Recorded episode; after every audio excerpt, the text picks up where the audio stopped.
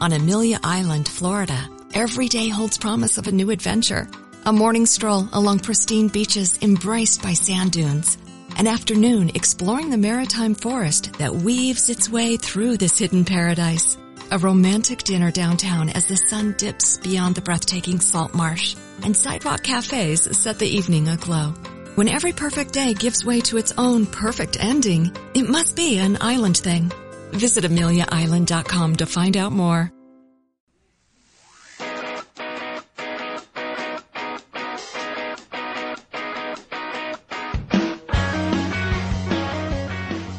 Bona tarda, amics oients tots. Engeguem aquest segon programa de Calaix Desastre amb la mateixa energia que el primer. T'acompanyem al llarg de la tarda per parlar dels crims de guerra amb la Natàlia Segura, de Bànquia, amb el Sergi Reixac de Pompeu Nòmits. Tindrem més in and out amb la Suri i la Sara que parlaran de Blacky Books. I torna La Bona Vida amb la Clara i l'Andrea que sorprendrà amb el rat et recomanem i l'estrella culinària de la setmana. No t'ho pots perdre. També torna la Mar amb més innovacions a la xarxa i a la telefonia. I no us podeu descuidar de passar la tarda un dia de la setmana al cinema amb la Tània, que parlarà del Festival de Cants, o la Natàlia, que torna a colar-se amb més teatre. No podem passar de parlar de la cara B dels esports amb la Roser i la promesa de la WNBA Maria Vilardaga. I no marxarem sense posar música al segon de Calaix Desastre amb la Maria Millán i la Mar, que s'a- s'acosten per a preguntar-vos coses i per punxar l'estudi 15 to Black Wall. I també l'Àlia Campreciós ens resumirà la setmana amb imatges. Et quedes amb nosaltres? Comencem!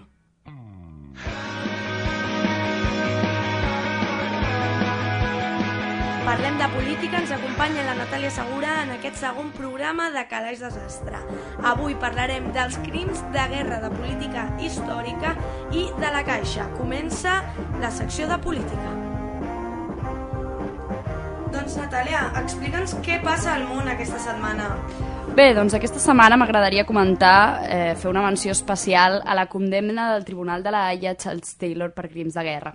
El tribunal l'ha sentenciat a 50 anys de presó per ser responsable de crims com assassinats, amputacions, violacions, esclavitud sexual o ús de nens i nenes soldat. A més, se'l considera responsable de la mort d'unes 50.000 persones. déu nhi quina carrera, però qui és Charles Taylor? Bé, Charles Taylor va ser president de Libèria entre l'any 97 i el 2003. Abans de ser president, va perpetrar un cop d'estat contra el llavors dictador de Libèria. I això va desencadenar una primera guerra civil al país. Un cop finalitzada aquesta guerra civil, Taylor es va presentar a les eleccions. A l'hora de presentar-se a les eleccions va utilitzar un eslògan força curiós que deia així, referint-se a ell mateix. Va matar la, la meva mare, va matar el meu pare, però tot i així i el votaré. El votaré. I saps què? Va guanyar amb un 75% dels vots. Increïble, però què va fer aquest senyor? Bé, ja president de Libèria, eh, aquest senyor es va dedicar a subministrar armes als rebels del Front Revolucionari Unit de Serra Leona, que va assassinar i mutilar desenes de milers de persones. A més, aquest grup guerriller es dedicava a esclavitzar milers de persones per explo explotar les mines de diamants. Taylor rebia, a canvi de les armes, els anomenats diamants de sang, eh, que va ser molt conegut a l'època, als anys 90, perquè, és a dir, amb els diamants de les, eh, de les mines, és a dir, de gent que, eh, que estava esclavitzada, eh, s'utilitzaven per eh, finançar la guerra. Hi ha una pel·lícula molt famosa de fa poc temps, que és de, de, de, de l'Scorsese, que, que precisament tracta d'això, a qui li interessi el tema, doncs... T'agraden, eh, li, pel·lícules? li recomano la pel·lícula, sí.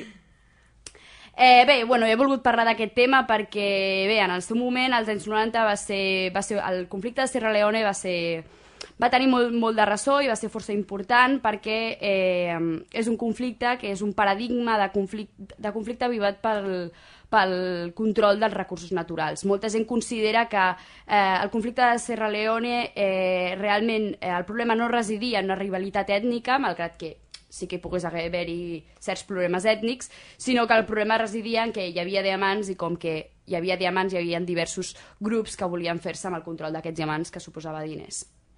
Doncs Natalem, què et quedes de la sentència de Charles Taylor? Perquè és important avui això.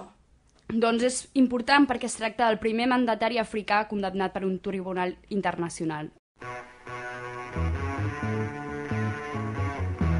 L'altra cara de la secció de la Natàlia és el fet reivindicatiu de la setmana. M'agrada aquesta secció. Avui què portes com a fet reivindicatiu de la setmana que segur que tothom en pot, en pot tenir una opinió... Bé, doncs avui porto un tema una mica controvertit, que és el... És la paraula més correcta per parlar d'això, eh? Controvertit. Sí. Eh, vinc a parlar de les protestes que s'estan fent davant de les oficines de la Caixa. Com bé sabràs, eh, o l'audiència sabrà, des del primer aniversari del 15M s'ha instal·lat una protesta davant de la seu central de la Caixa, allà a l'Avinguda Diagonal de Barcelona, eh, que s'ha conegut amb el nom d'Ocupi Mordor, fent referència als Senyors dels Anells, i que, eh, bé, s'han dut a terme eh, diverses caixarolades i s'han animat els conductors a pitar en contra de la banca. I per què protesten davant de la Caixa?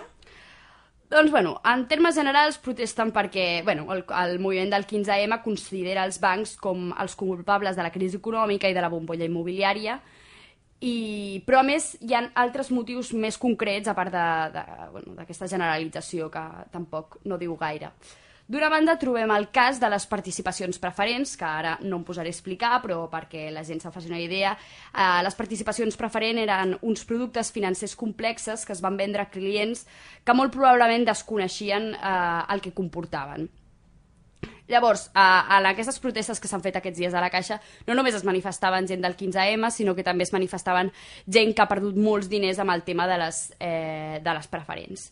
I també eh, cal incloure dins d'aquestes protestes el, la, mm, diguem, l'intent de culpabilitzar a la Caixa dels desnonaments que s'estan duent a terme a Catalunya, ja que la Caixa eh, ha sigut un dels executors de, de molts desnonaments. Passada, és veritat però tot això com ens ha arribat als mitjans? Nosaltres ho estem tractant des d'aquí, però sabem que nosaltres som eh, els últims de la llista. Com ho hem vist, això, els mitjans de comunicació, Natàlia? Doncs jo crec que això ha arribat als mitjans de comunicació amb comptagotes, eh, perquè realment la cobertura que han fet els mitjans ha, ha deixat molt que desitjar. No és que s'hagi més la informació, és a dir, si tu vas a, a, als diaris de catalans trobaràs la informació de que hi ha hagut protestes a la Caixa, però eh, la informació que s'ha donat és força escassa. Com per exemple? Doncs, per exemple, si tu mires les notícies eh, de, mm, a La Vanguardia o el periòdico sobre el fet, t'adones que en cap moment es diuen els motius pels quals protesten els indignats. És a dir, es limiten a dir la generalització aquesta de eh, protesta davant la Caixa perquè creuen que els bancs són els responsables de la crisi, però en cap moment et, et eh, associen la Caixa amb el tema de les participacions preferents o amb els desnonaments eh, amb la qual cosa pues, jo crec que quan tu estàs explicant un fet reivindicatiu, una manifestació, has de dir per què la gent es manifesta. Si tu no ho fas, estàs omitint informació. Per això et tenim a tu contractada a Calés Desastre perquè ens ho expliquis. Però per què silenci llavors, mm, tot plegat? Doncs qualsevol persona eh, se'n pot adonar sense mirar dades de que la Caixa és una de les entitats eh, que més aporten publicitat als, als mitjans. Eh, a més a més de, de portar publicitat, la Caixa ha donat molts crèdits a mitjans de comunicació, a, a grups com el Grupo Prisa o el Grupo Z, i a més eh, també té relacions amb altres mitjans, com per exemple el, destaquem el fet de que Javier Godó, el molt honorable conde, conde de Godó, eh, editor de La Vanguardia, és de, des del 2005 membre del Consell d'Administració de CaixaBank i vicepresident tercer de l'entitat. Bravo!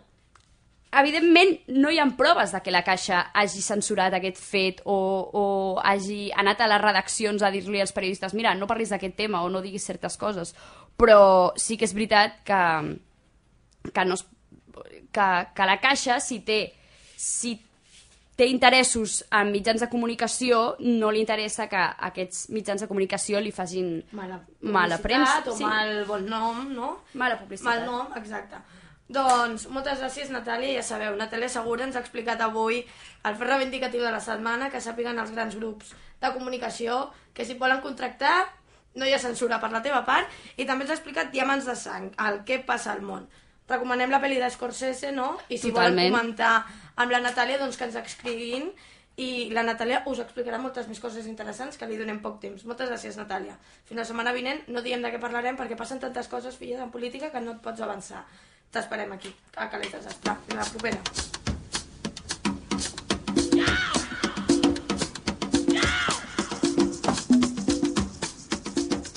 tornen a seure a la taula l'equip de Pompeu Nòmics. Avui ens venen a parlar de Bankia, però em sembla que no tenim ni a l'Este ni en Bernat. Em sembla que, clar, venim a parlar de Bànquia, ratos, renta les mans i han abandonat, però han deixat aquí avui assegut el Sergi Reixac. Ens vens a explicar què collons està passant amb Bànquia? Molt bona tarda. Intentarem ficar els punts clars sobre què ha passat amb Bànquia. Doncs comencem. Que, que, on comença tot el tema de Bànquia? Intentarem, primer de tot, parlar d'on prové Bànquia. Bànquia neix un 3 de desembre del 2010 i neix fruit de la unió de set caixes a saber, Caixa Madrid, Bancaja, Caja de Canàries, Caixa Laietana, també tenim la nostra part de culpa, Caja de la Rioja, Caja Ávila, Caja Ávila i Caja Segovia. No se'n lliure quasi cap comunitat autònoma, no, eh? No, estem tots ficats dins del marrón.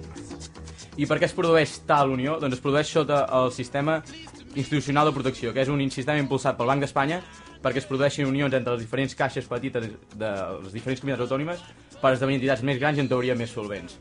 Quin és el problema? Intentarem explicar-ho. Si tu eh, fiques a córrer dos persones coixes i les juntes, correrà més que una de sola? No. no si tu juntes dues persones És coixes a raro, córrer... és que amb els economistes mai se sap. No, no, si tu juntes dues persones coixes a córrer, seguiran sent coixes. Per tant, si les juntem, no aconseguirem res de bo. Vale, vale, ho he entès, ho he entès. Ho has eh? entès? Per Demanem perdó a l'audiència per aquest lapsus. No, no. Uh, si juntem set caixes molt petites, però totes elles amb problemes econòmics, sobretot dos d'elles, Caja Madrid i Bancaja, presenten uns actius molt tòxics, que aconseguim és una entitat molt gran, però molt pròxima a la quiebra. No és una entitat solvent. El problema és que Bankia va esdevenir un, un, un balanç amb uns actius quasi indescriptibles pel mercat. Però a mi sempre m'han dit que la unió no hace la fuerza. En aquest cas no, perquè si tu juntes actius devaluats, l'únic que aconsegueix és molts actius devaluats. Els actius són el que el banc té, diríem. Llavors, quin problema té? Bankia té el problema que no aconsegueix eh, traure l'inversor privat eh, per aconseguir financiar el seu passiu. De tal forma que viu enxufat a la, liquiditat, a la liquiditat provista per la Banc Central Europeu.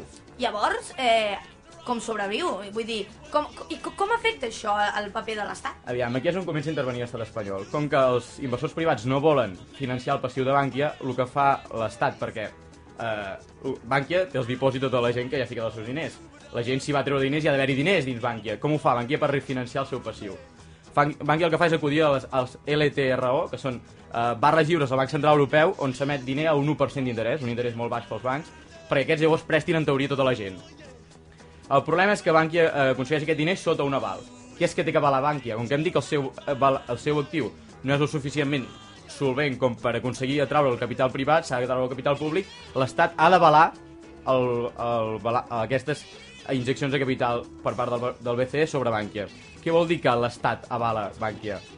Vol dir que en cas de que Bànquia fes fallida, el que, els que haurien de pagar a la gent que ha, dina, ha deixat diners a Bànquia seria l'estat espanyol. Què és l'estat espanyol? Som els diners dels contribuents, són els diners nostres. I aquí entrem amb el tema de la nacionalització. Sí, eh, arriba un punt on ja ningú vol prestar diners a Bànquia. Ah. Ja, L'Estat diu, no seguiré prestant diners perquè això, això ja no va jo. I què fa? L'Estat decideix nacionalitzar Bànquia. Com ho fa? L'Estat havia... Inter... Eh, estava... Ho fa malament. Ho fa malament, ho fa malament, no s'ha de nacionalitzar Bànquia. Però explicarem com ho fa i per què ho fa. Com ho fa? Ho fa a través de la reconversió de 4.450 milions que tenien participacions preferents sobre el passiu de Bànquia, les transforma en capital propi. Per tant, esdevé el propietari de Bànquia. Això vol dir que ara l'Estat decideix el que, el que el futur de Bànquia. I l'Estat per què fa això? L'Estat fa això perquè estava ficat de merda fins a dalt. Hem de pensar que l'Estat havia avalat tota la, tot el passiu de Bànquia, quasi bé. Ai, tot, sí, tot el passiu de Bànquia, quasi bé. Perquè estava ficat pels fons, a través del fons de garantia de dipòsit els 170.000 milions d'euros de, que Bànquia té fruit dels diners que la gent ha portat de Bànquia estan assegurats pel fons de garantia de dipòsits que com tots sabeu són els diners que tots els bancs junten perquè en cas de que un d'aquests bancs faci fallida els dipositants puguin anar i retreure els seus diners està assegurats fins a 100.000 euros les persones que tenen més de 100.000 euros estan assegurats fins a 100.000 euros ja tenen prou diners en teoria bueno. no? No I... crec que en trobem molts, eh, de, de més de 100.000 euros en però, la situació actual, però... A part d'això, eh, financia sobre uns eh, 70.000 milions més a través de lo que hem dit abans, els programes d'avals, on Banc havia acollit el Banc Central Europeu demanant diners amb l'aval de l'Estat. Què passa? Que si l'Estat deixés caure Bànquia, hauríem de liquidar els seus actius, actualment valorats en un, sobre uns 350.000 milions d'euros, però que estan valorats a valor de llibre, diríem. Uh, perquè ens entenguem, aquell terreny que tenim a la Costa del Sol, que en el llibre fica que val un milió d'euros, quan, quan val, en veritat? Quan diu el mercat que val? El mercat actualment podria dir que val 500.000 euros, 750.000 euros. El que està clar és que no val un milió d'euros. La teoria desmunta la pràctica. Exacte. Per tant, si, si liquidéssim l'actiu de Bànquia, no aconseguiríem, no aconseguiríem arribar als 250.000 milions d'euros per poder eh, eh, pagar tots els dipositants de Bànquia i a part perquè l'Estat no hagués d'afrontar les pèrdues. Però cap a on ens dirigim i cap a on va Bankia llavors? Bueno, eh, com, he comentat, com he comentat abans, eh, l'Estat ha esdevingut eh, el propietari a través de la reconversió dels, eh, de, dels 4.450 milions d'euros que tenia a través del FRO, però això no serà suficient. Farà falta injectar més diners a Bànquia, que com hem parlat, els seus actius estan molt devaluats. Es calcula que haurem d'injectar sobre uns 10.000 milions, 15.000 milions d'euros a Bànquia. Això què, què vol dir? Vol dir diner públic? Vol dir... Diner públic no, això és un gran error. Vol dir diner de la gent que paga, de, diners dels nostres impostos. I, per tant, què, eh, què passarà? Com que segurament l'Estat no podrà fer front a aquests diners perquè Espanya no té diners, Això és pronòstic, això és pronòstic meu, pronòstic de Sergi ja. Reixac, Pronòstic eh? meu. No, L'estat espanyol no podrà fer front al problema financer de Bànquia i haurà d'intervindre la Unió Europea a través del FSF, European Financial Stability, uh, ai, European Finance Stability, uh, Algú? perdona, sí, FSF, que eh, hauria d'intervindre i injectar els diners. Què vol dir? Que el nou propietari de banca serien els alemanys, més o menys. Alemanys, holandesos, Europa. Per què? Perquè ja ho vam dir, l'economia són 11 contra 11 i con Alemanya hemos topado al final. No, no, però és que en el fons segu- segurament seria una bona decisió, perquè Espanya no pot assumir actualment el problema financer que té. No pot, ha d'intervenir la Unió Europea o podem proposar altres mesures, però actualment Espanya no podrà fer, fro- no podrà fer front al problema financer. Haurà d'intervenir Europa. Molt bé, llavors amb què ens quedem de, de, de tot això, de Bànquia, del futur de l'entitat, de què venen els, els alemanys? M'agradaria, eh, finalment, aportar una proposta que no s'ha sentit gaire als mitjans i que seria una alternativa privada a lo que s'ha fet amb Bànquia. Pompeunomics proposa... Vale. Què proposa? Pompeonòmics proposa una alternativa privada a la nacionalització de Bànquia. Actualment, què s'ha fet amb Bànquia? S'ha injectat diners a través de l'Estat. Les participacions preferents, que estaven valorades en més de 4.000 milions, han esdevingut capital propi. Per tant, l'Estat esdevé el propietari. En el passiu de Bànquia trobem, a part d'aquests 4.450 milions de, de l'Estat- trobem 15, més de 20.000 milions d'inversors privats, els de creadors de Bànquia, la gent que ha deixat diners a Bànquia, però no en capital, sinó deixant-li diners. Què podrien fer? Podrien fer que la gent que, els actuals accionistes, com que van decidir invertir en Bànquia i Bànquia ha sigut un error, perden els seus diners. Vale. Els accionistes han invertit, perden, és normal. Si tu inverteixes en Moncora, doncs guanyar pots perdre. En aquest cas han perdut. Què faríem? Doncs llavors farien que la gent que ha deixat diners a Bànquia, no que ha invertit, sinó que ha deixat diners, esdevingui un nou propietari. Els 15.000 milions, passaríem a tindre 15.000 milions que són passiu, ai, són passiu de Bànquia, per tant són deute que, es carrega, que Bànquia té, passaria a ser capital propi. Passaríem a tindre un, una, passaríem a perdre, eh, Bànquia així està tan endeudada i a més els nous propietaris serien inversors privats, no seríem tots nosaltres, perquè ni nosaltres ningú us ha preguntat si volem ser propietaris de Bànquia. Doncs el que faríem és que la gent, aquests, aquests inversors privats es vindrien al nou, als nous propietaris de Bànquia i prendrien la decisió de què fem Bànquia. Liquidar-la, intentar tirar-la endavant, intentar recuperar el màxim dels seus diners que han invertit, però sens dubte seria una situació molt millor per tots nosaltres. Perquè hem, es, nosaltres, els nosaltres els espanyols, tots, ens han, no ens han preguntat si volíem esdevenir els propietaris de Bànquia. L'Estat ha anat allà i ha injectat els diners. Ha dit, vale, nosaltres ens convertim els propietaris. A fondo perdido. Ja veurem què passa aquí. En canvi, aquesta gent que havia deixat diners, a Bànquia ho havia fet per alguna cosa. Ha d'assumir les conseqüències. Transformem un capital privat en nous propietaris de Bànquia i que aquests decideixin què fer amb Bànquia. Perquè són els propietaris legítims de Bànquia, això també és cert. Doncs el que podem fer és escriure... Uh, bueno, això ho teniu recollit al, al, vostre, web, al vostre web, oi, de Pompeunomics. Intentarem compartir-ho via xarxa social i portar algú que sigui entès i proposar-li les idees que té Pompeunomics, perquè realment parlàvem del programa de, de la setmana anterior, parlàvem d'educació, de retallades, però és que realment parlem del futur, del nostre futur, i el que és cert és que la gent que seu aquesta tarda aquí a la taula té bones idees i les hem d'escoltar, així que Pompeunomics eh, pot ser una via no? de, de, de futur si més no, dels estudiants que avui encara no entenem l'economia, però que com el Sergi saben com po poder sortir-nos i que estaran al davant del país el dia de demà. T'agraïm molt, Sergi, que vinguis. Els teus companys t'han abandonat, però no preocupis que Rato va fer el mateix amb Bànquia. Estem a l'ordre del dia. He, he intentat complir el paper. Doncs us esperem la setmana pròxima. Encara no sabem de què parlarem, però és que amb les coses que ens venen, ja sabeu, sempre us ho dic, l'economia és notícia i Pompeunòmics també. Gràcies per venir, Sergi, us esperem la setmana vinent a Calaix Desastre. Adeu. Moltes gràcies. Estàs escoltant Calaix Desastre cada dissabte a Boca Ràdio. Això és La Bona Vida, estem a Calaix Desastre. Què tal? aquesta tarda de dissabte. Espero que perfectes i que esteu a la platxeta escoltant-nos perquè a Barcelona les temperatures anuncien l'arribada de l'estiu. Bona tarda, Andrea Itali. Amb l'arribada de l'estiu arriben les vacances finalment. O beneïdes vacances, aquelles que ens permeten allunyar-nos de les preocupacions diàries i les responsabilitats. Uh, us portem avui una sèrie de xiringuitos de platja que és obligatori que els conegueu sí o sí. Ens traslladem a la Barceloneta i allà tenim el xiringuito Princesa 23. I què ens ofereix aquest xiringuito, Andrea? Mira, Clara, el xiringuito Princesa 23 ofereix una molt interessant diversitat de còctels i menjar Tex-Mex. Vale, Andrea, avui crec que no parlem el mateix idioma. Menjar Tex-Mex? Sí, sí, mira.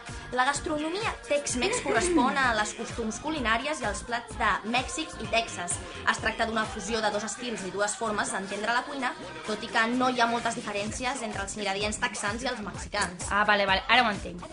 Llavors, si, si vaig a Xiringuito Princesa 23, a la Barceloneta, podré tastar menjar picantó, no? Exacte, el picant, com dius, sí, és típic, però el serveixen més com a aperitiu. Després, si vols menjar fort, tenen els típics nachos, fajitas, tacos i xili amb carn, d'entre d'altres. Però bé, si prefereixes un altre ambient menys picant, parlant sempre de menjar, doncs eh, diré que el xiringuito, eh, hi ha el xiringuito, perdó, de sol i del mar també a la Barceloneta. En aquest també podràs tastar tot tipus de còctels mentre gaudeixes d'una música tranquil·litzant a mà d'un dels DJs del xiringuito. Mare meva, Andrea, quin plan, amb el que m'agraden a mi, els còctels i amb música en directe.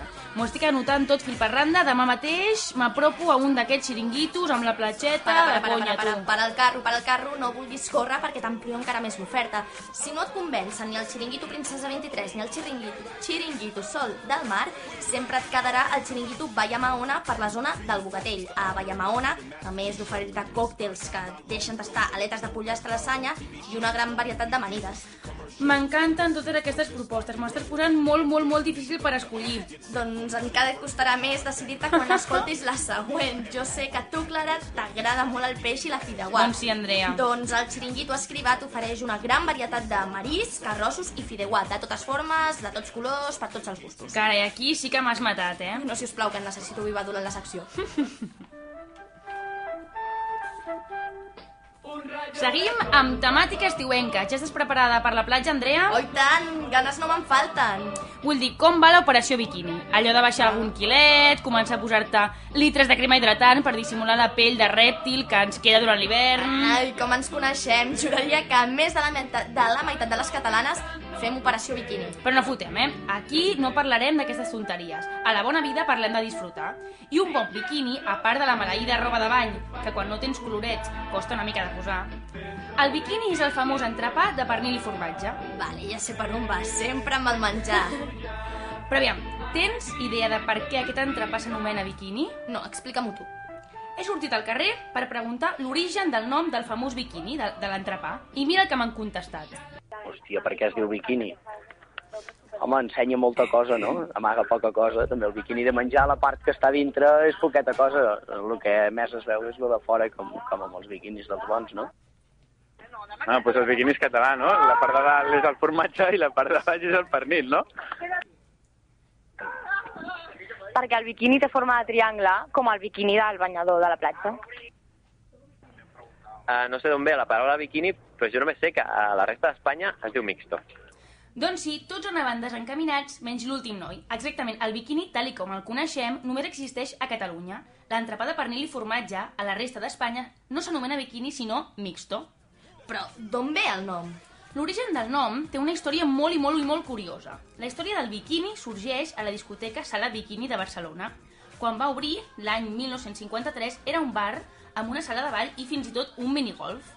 Entre les ofertes culinàries que oferia el bar, no, la sala Bikini, hi havia un entrepà, que era una versió d'un entrepà francès que s'anomena croque monsieur, que porta pernil i formatge desfet. Aquest entrepà es va fer molt popular al bar i el van començar a anomenar l'entrepà de la casa, no? de, de sala bikini. Va arribar un moment que els habituals de sala bikini demanaven a altres bars «Perdona, fes-me un entrepà com el de la sala bikini». El nom va continuar evolucionant fins que el sàndwich mixto espanyol s'anomena bikini a Catalunya. Que curiós, no m'ho hagués imaginat mai, som tan originals nosaltres. doncs ara, molts bars s'estan animant a fer versions d'aquest clàssic barceloní. Mira, pots provar un biquini amb pernil i formatge i un ou ferrat a qualsevol granja, la catalana de Barcelona. També al bar Autosilt et fan una altra versió, que és un biquini vegetarià, on substitueixen aquest pernil per un formatge brie i emmental fosos, pot estar molt bo, eh? També fan un biquini mexicà, al Autosil, que es fa amb pa, que és una tortita en comptes de ser un pa de motlla. A l'Autosil el, podem, el podreu trobar a la Gran Via 622. També, si sou molt fans, molt fans, molt fans, podeu anar a Torrent de l'Olla 106, a un bar que es diu l'Olla del Torrent, que fan tot tipus de biquinis, i fins i tot triquinis, o sigui, amb tres llesques de pa. Haurem de provar sí o sí alguna d'aquestes varietats. Jo et confesso que he provat el triquini. Carai, Andrea. I d'aquí a uns moments et portem la crem de la crem, el nostre Et recomanem. Et recomanem... Per aquest cap de setmana us recomano els tallers oberts. Els artistes de Gràcia donaran a conèixer els seus treballs al descobert, a la plaça Virreina del barri de Gràcia. Pintors, escultors, dissenyadors i tot tipus d'artistes ens obren les portes als seus tallers en aquesta tercera edició de Tallers Oberts. Però un moment, només hi ha artistes del barri de Gràcia? Sí, sí, sí, perquè aquesta iniciativa, que es va originar al barri de Ciutat Vella, aplegava només els artistes del barri. I així s'ha seguit fent. Ara ja es fa al barri de Poble Nou, Poble Sec i a Gràcia. I és totalment gratuït. Uh -huh. Si vols saber qui participarà, pots consultar a www.tallersobertsgràcia.com. Els artistes de Gràcia exposaran les seves obres avui dissabte i demà diumenge a la plaça Virreina del barri de Gràcia. I pots anar amb el metro, baixant a Fontana, línia 3, o Joanic, línia 4. Vinga, va, una mica de Vale, vale, vale. que és Sí. gratis. Anem-hi. Vinga. L'estrella culinària d'aquesta setmana és per... Cupcakes. Bé, vinga, parla'm de magdalenes, que m'encanten les magdalenes. No, no, Clara, els cupcakes no són magdalenes. Què El- dius? No, no, t'ho juro. Els cupcakes són petits pastissos que es cuinen en un motlle semblant al que s'utilitza per fer magdalenes o muffins. És, a més, una recepta d'origen estadounidenc i inclou ingredients com el sucre, glaç i les virutes. Ostres, doncs jo mai he tastat cap cake. Explica'm una mica on puc anar a menjar en un. Doncs ja tens un lloc per anar a tastar-re'n, Clara. Mira, has d'anar a Be The Light, a la ronda General Mitre número 39. Be The Light és un petit establiment on pots gaudir dels dolços cupcakes que prepara la Cristina. Qui és la Cristina, em diràs? Mira, és una enginyera mecànica que un dia va decidir deixar-ho tot i dedicar-se plenament a la seva vocació, la pastisseria. Doncs veia canvi més radical. Què ets fa la vida? Adonar-te'n de que realment t'agrada una cosa totalment contrària dels números als dolços. Doncs mira, realment no ho sé. Si vols, quan em passi, t'ho explico. Explica'm. Ara per ara, el que sí que et puc assegurar és que a Be The Light també es poden degustar croissants, pastes vàries, cafè, té i tota guarnició importada del més, espu del més pur estil londinenc. Carai, quines ganes de tastar-ne un d'aquests cupcakes, Andrea. Però si tu ets sincera, Be The Light em queda bastant lluny perquè jo vic a l'altra punta de Ronda General Mitre. Mira, això no és cap problema, perquè Be The Light disposa d'un servei de pastissos personalitzats per encàrrec. A més, tu pots ser la seva dissenyadora i un altre dels serveis eh, són els tallers de, re de reposteria, cursos que comencen a oferir i tots ells impartits al mateix establiment.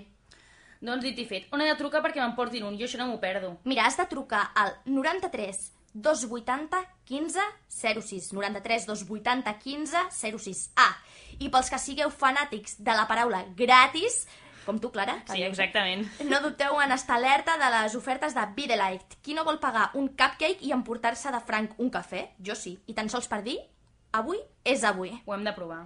I tant. Aquestes ofertes no me les perdo, no us les perdeu, oients, sisplau. Bé, Andrea, fins aquí ha estat tot. Aquest és l'acomiadament, Clara. Fins aquí ha estat tot a la secció d'avui de La Bona Vida a Calaix Desastre.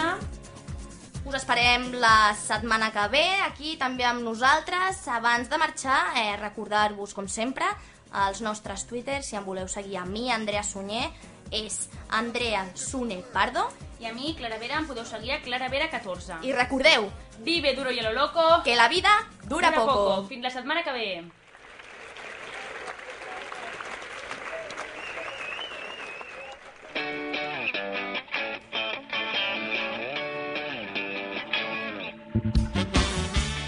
Seuen a la taula la Mar Pérez i la Maria Millán. Tornem a posar ritme a Calaix Desastre. Estem al Posa't a to. Bona tarda, noies. Bona tarda. Què tal el dissabte? Perfecte. Escoltarem bona música? I tant, A escoltarem veure- bona música. Convença'm. Argumenta-m'ho. Què tenim? Avui tenim, per començar, una mica d'Eurovisió, que va ser el dissabte passat, i després eh, una entrevista que els portem amb 15 to Blackwall, un grup emergent. Doncs molt bé. Eh, Eurovisió. Doncs comencem. Com sabeu, fa just una setmana es celebrava el Festival d'Eurovisió i per això avui us porto una pregunta perquè recordem les millors cançons espanyoles que han anat a Eurovisió, perquè hi ha hagut de tot en tots aquests anys. Hem sortit al carrer i el resultat ha estat aquest.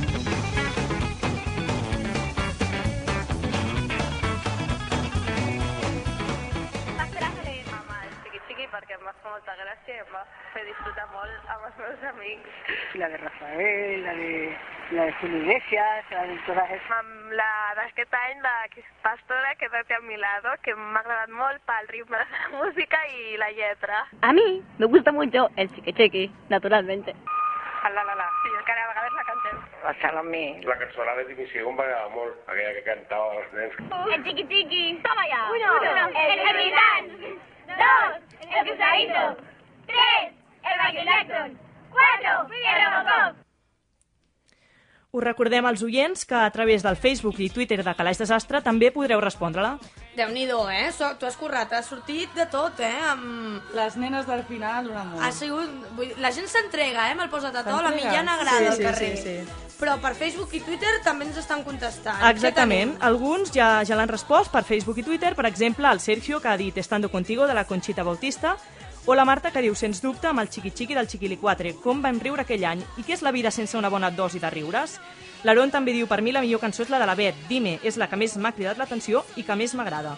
O l'Alba, que diu, David Civera, dile que la quiero. Jo no ho he dit, eh? Ho ha dit una altra alba. Una altra Alba. Vale, vale. que quedi clar.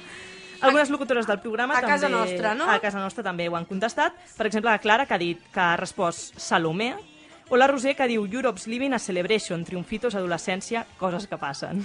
Bueno, li, li explicarem després. Ja li explicarem. Eh, bueno, hi ha hagut una mica de tot, no? Sí, sí, sí, Potser- Déu-n'hi-do. El xiqui xiqui que el tenim una mica més recent, Sí, no? el xiqui-xiqui que Gran va fer molta gràcia. triomfador. I que ens va fer riure a tots, perquè, bàsicament, jo crec Humor que de Eurovisió casa, eh? ha estat això. com sempre. Sí, sí, sí. Jo, sincerament, reconec que el Europe's Living a Celebration de la Rosa d'Espanya em va arribar al Jo cor, també eh? estava molt entregada, eh? Era edició OT, eh? Fent els coros. Mira, mira, mira, és que em poso, em poso amb la pell de gallina. Quin moment, eh? Quin moment. Momentazo de la Rosa Jo, sí, sí, jo recordo un sopar a casa dels meus tiets mirant Eurovisió, en plena adolescència... Aquest, aquest any és que l'he vist sola, i a més a més tenia un sopar, o sigui... Mm, s'ha perdut. Mm, Des d'aquí S'ha perdut la reivindiquem. tradició, s'ha perdut la En- tradició. Ens reunirem al pròxim Eurovisió, tothom amb reunirem calaix de tots. desastre. Trobarem algun lloc on veure-ho plegats. Sí. Doncs sí. Podríem fer un programa especial des de Europe. Podria estar bé, eh? Però no, no, no sé si ens pagarà... Podrem demanar subvencions, no? Ho podem Calaix intentar. Desastre se desplaza a, a Suècia, Atenció, no? tots els que ja esteu atenció. escoltant. Doncs, bueno, tothom té un passafós que hem vist aquí que ens hem mullat tothom. Sí, sí. Però no és l'única cosa que tenim. Tenim una entrevista molt, molt, molt, molt xula amb els 15 to, Blackwall. to Blackwall. És que doncs... jo, que, Doncs- per què es posen aquests noms? Jo no ho entenc. No ho 15 entenc, però Blackwall. bueno, els escoltarem. Eh, aquesta setmana portem aquest grup emergent, 15 to Blackwall, perquè està molt bé portar músics que són coneguts, però també els hem de donar veu a aquells que tenen ganes de fer coses i que a poc a poc volen anar introduint-se al mercat musical. 15 to Blackwall està compost per l'Oriol, que és el- la guitarra i veu, el Pau, que és bateria i cors, i el Ruben, que és baix i cors. És això que està sonant? És això que està sonant. You have got no time. Exacte. És una de les seves cançons. Oh, sona bé, eh? Sí, està bé, està bé, està Bona bé. veu, bona veu. O sigui, són tres joves amics des de petits, no dius? Sí, i tenen gustos musicals semblants. Llavors, el 2007 van decidir crear un grup i han anat moldejant i definint aquest grup en aquests quatre anys, des del 2007 fins ara. Es defineixen Es defineixen... amb estil? Sí, amb un estil indie rock alternatiu i ja tenen dos maquetes en anglès, Alba, i d'aquí un, més o menys un, un mes trauran la tercera, que és en català. Oh, Sí, sí, sí, han volgut canviar una mica. però on els podem trobar? Doncs el millor de tot és que la setmana passada van guanyar el premi de bandes de la UPF, llavors ara la seva música aviat sonarà a Spotify, iTunes i Amazon, Oh, entre altres portals de, de música. Sí, sí, sí. Bueno, i com que és un grup poc conegut i que intenta fer-se un lloc dins el panorama musical, els hem preguntat, primer de tot, com s'ho fan per arribar a la gent, com es difonen. Bueno, la principal eina és internet. Sense internet no haguéssim fet res, jo crec. mm, fa una setmana vam participar en un concurs i o sigui, ja donen els premis per directament fer- fer-te difusió a tu internet, o sigui, ficar-te a Spotify, iTunes, llocs com aquests, que és realment on, on la gent et pot escoltar més i on tu pots ficar-te una mica, o entrar una mica en tot el, el mercat musical, d'alguna manera.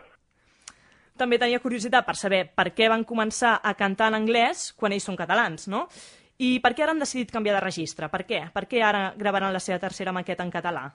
Està bastant relacionat amb les influències de, del grup. Al principi teníem un estil totalment diferent al que tenim ara. I llavors, a part que cantàvem en anglès, les, les cançons eren diferents. I més tard doncs, eh, ens van començar a agradar més grups catalans. La música que hem anat escoltant els tres hem intentat sempre barrejar-la i fer, jo crec, un estil propi més sobre això i llavors, mica en mica, crec que ens n'hem anat adonant que en català podíem fer el que fèiem en anglès a mesura que anàvem evolucionant i han anat sortint grups, per exemple, si em deixeu mencionar-los com Mishima, que jo crec que ens agrada molt als tres, i, i tal, que ens han fet veure que, que podíem fer el, les coses que ens agradaven en català. Jo crec que en català és molt més fàcil expressar-me potser que en anglès. No són els únics que els hi ha passat això, eh? Recordem, Sidoni Love of Lesbian... Love of Lesbian Exacte, diuen que sí. pròximamente... En, en català ho vam En sentir, català, ho vam sentir, sí. que gravaran en català, van començar en anglès, Sidoni també va començar en Després anglès. castellà i ara- Grups d'aquí de Barcelona. És que, clar, potser és, és més pròxim per la gent, no? Love of Lesbian, de fet, va di- decidir que no tornaria a, a, Ah, cantar en en anglès anglès, perquè hi havia grups que ho feien millor i que, bueno, que ho podíem... Si domines una llengua, és bo Exacte. utilitzar-la. Exacte, a mi m'agrada que els grups catalans tinguin alguna, algun repertori en català. 15 to Blackwall, 4 anys composant, no? Sí, però als seus inicis no et pensis que firmaven com a 15 to Blackwell, sinó com a No Rules. Després van canviar el nom a 191 vols i ara, com ja hem dit, 15 to Blackwell. I els he preguntat què simbolitzaven els canvis de nom, perquè tants canvis de nom en un grup mm, no ho entenia gaire, i el significat d'aquest últim que sembla que ja és el definitiu. Té molt a veure amb el canvi d'estil també. Simbolitza com una nova etapa que començava amb el grup, el canvi de nom. Eh, arriba un punt en què el tre, els tres ens adonem que hem de canviar de nom i llavors és com un canvi, s'arriba Com canviar de grup, però sense canviar de grup. Tot, tot i que, clar, ara, després d'haver guanyat el concurs amb el nom de 15 to Blackwell, possiblement ja no realitzem més cap. El seu nom anglès és, també defineix una mica el nostre estil així, que és una mica rock anglès. De fet, l'altre dia un, un crític de música ens va definir com a rock anglès de Manchester.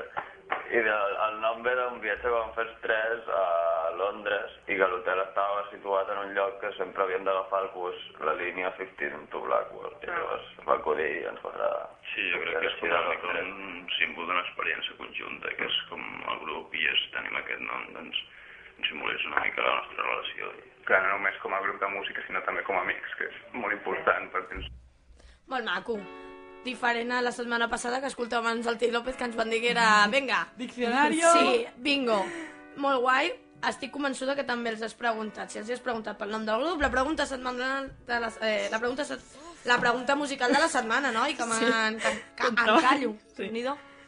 I què, què deien els 15 to Blackboard? Doncs ells creuen que, tot i que va fer força pena, es queden amb el Chiquili 4, perquè va portar una mica d'alegria i diversió al concurs, perquè no els agrada massa això Va d'Eurovisió. desvirtuar, no?, una mica el concurs, Exacte. però era el que tocaven l'any Sí, que i tocaven. això els hi va agradar. Crec que a tots ens va agradar una mica. Jo estic d'acord amb ells, eh? Jo no penso sé què que penseu. és l'any que més esperances teníem els espanyols de guanyar, perquè... Bueno, de guanyar no sé, però de votes i o- audiència, de rebentar... O crec que és el que potser el que més gent va mirar Eurovisió, potser. Bueno, cada any, és que això d'Eurovisió, vull dir, està desvirtuat. Però, què més? Oriol, Pau, Rubén, 15 to Blackwall... Exacte, d'aquesta manera aquests tres nois, tres joves que han anat definint el seu estil de musical i que ara ja estan assentats en aquest indie rock alternatiu, busquen maneres de fer-se sentir. Ara són poc coneguts però tenen el mateix mèrit que, que els grans artistes, escolta. Eh, estarem atents a la tercera maqueta, que és la seva primera en català, com hem dit, i esperem sentir-los aviat a Spotify. I sobretot, des d'aquí, des de l'estudi de Calaix de Salstre, els desitgem moltíssima sort en, el, en la seva nova maqueta i el seu futur musical.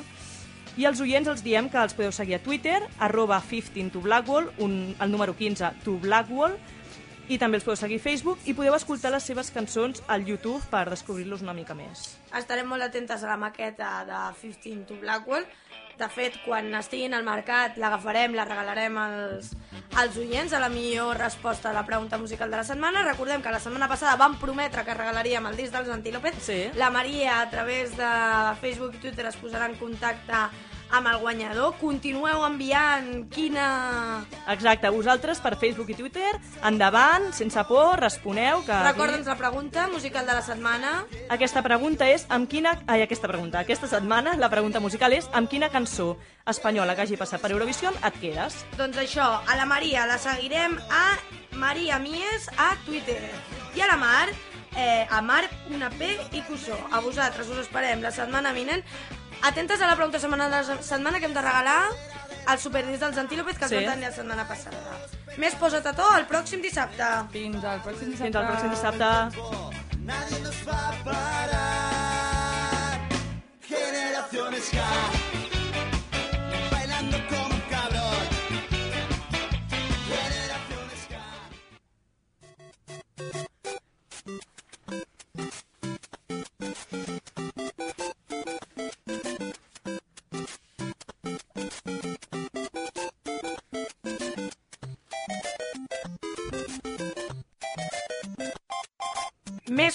Cosetes, més gadgets, més geek.0. Marc, t'has quedat aquí després de la secció de la Maria. Avui què tenim? A veure, quina és la app de la setmana, Marc?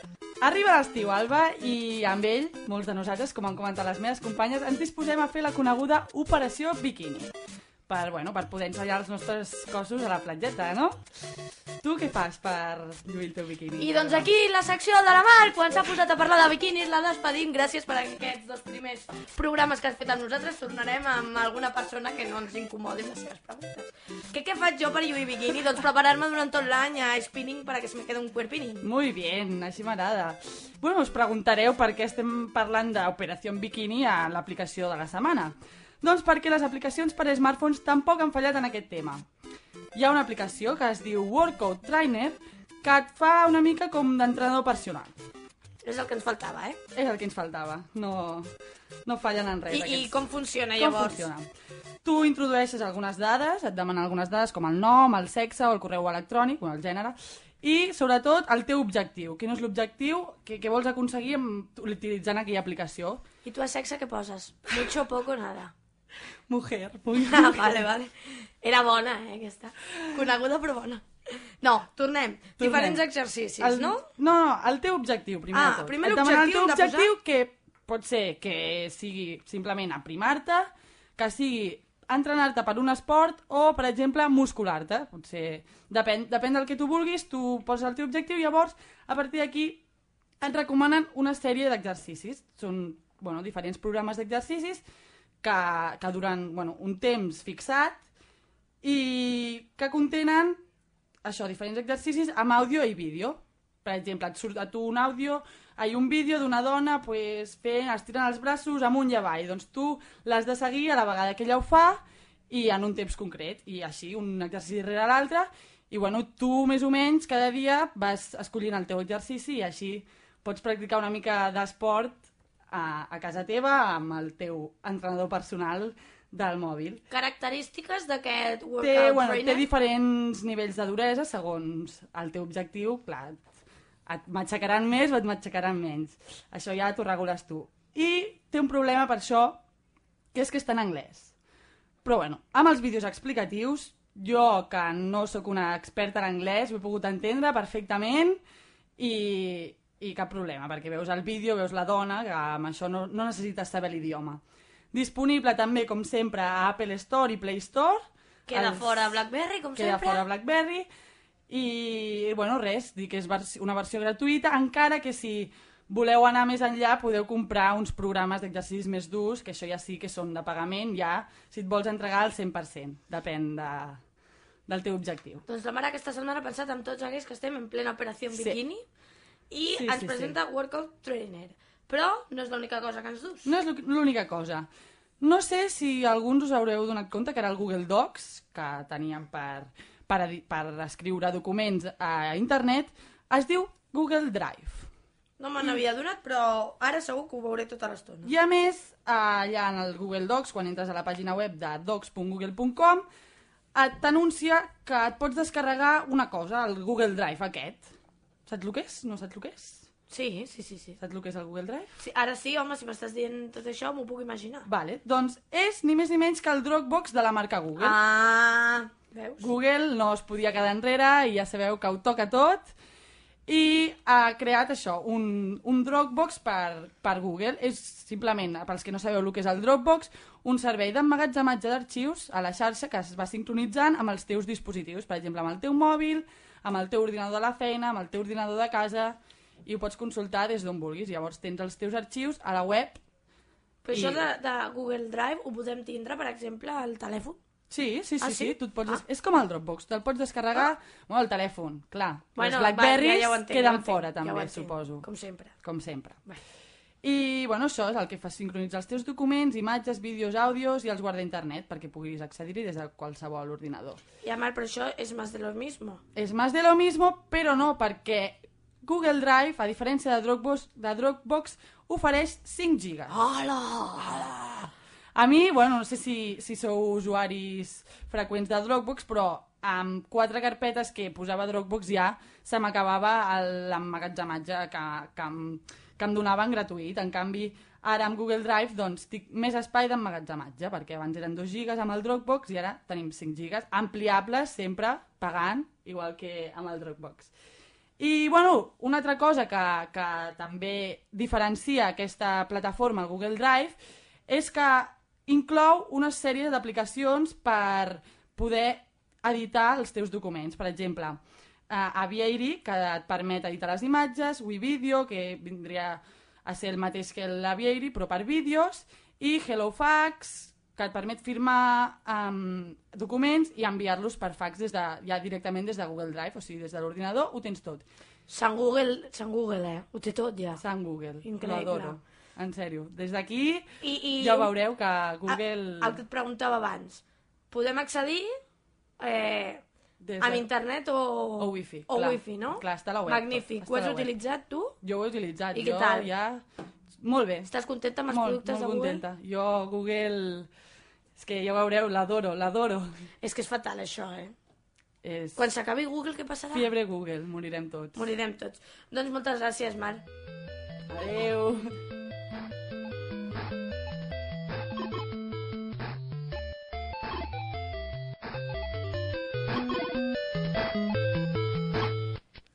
Tornen la Sara i la Suri, les Cool Hunters de Calés Desastre. Avui es passen els llibres. Comença l'In and Out.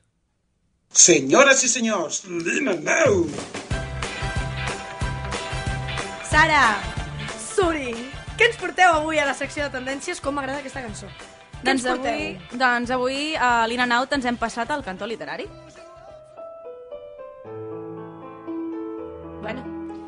No sé ben bé per què poseu una cançó de Beethoven, però si a vosaltres li veieu, li veieu la lògica, endavant.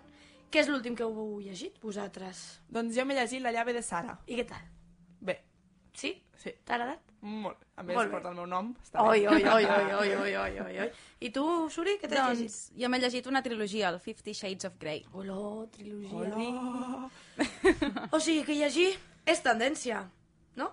Està molt bé, és molt educatiu, és preciós, és fantàstic, però us posareu a llegir ara? No, dona, no. Avui us parlarem d'editorials, un en concret de bastant especial, Blacky Books. Una casa independent amb seu a Barcelona que ha editat el nou llibre de Miguel Noguera, Ser Madre Hoy, amb DVD inclòs. Aquest llibre es va presentar el passat dimecres 23 al Teatre Alexandra. Fuà, i es van esgotar les entrades per la Party Loca amb més de 400 persones. O sea, qué fuerte, tía. Bueno, bueno, i no només això, sinó que es va presentar amb el seu show habitual, l'Ultra Show, on no hi van faltar riures. Una señora va a una peluquería y no sabe, no sabe qué coño quiere que le hagan en el pelo. No lo sabe. Pero no sé. No sé, quiero algo, bueno, cor- bueno, corto, quería más corto, pero es que estoy como entre varias. Dicen, tengo unas revistas, ¿quieres que te enseñe unas revistas? Y le traen la más allá. Le traen una revista de esoterismo. Y solo hay viejos viejos mediums, gente calva. Doncs aquesta editorial, de caire indi, publica títols d'autors revolucionaris en la seva època. Revolucionaris què? Com? Per revolucionaris s'ara dic undergrounds o d'antiestètica del moment, d'ara i d'abans. Ah, pina! Doncs això, que la Blackie Books eh, agafa a la gosseta, la Blackie, com un emblema per la marca. I a mi què, la gosseta? El va, la Blackie és el segell de l'editorial perquè no volia morir, tot i que al final sí, la va palmar. O sigui que un respeto a la difunta perra. Bé, Sara, uh, la història de la Blackie ens interessa perquè ells volen que els seus llibres siguin immortals, com la Blackie, que en paz descanse, Superman o la Pipi Calces Largues. Mm, us coneixo, no som no noms a l'atzar, oi? Pillades, no. De fet, Pipi Calzas Largas és clau per Blackie Books, ja que han recopilat totes les seves històries.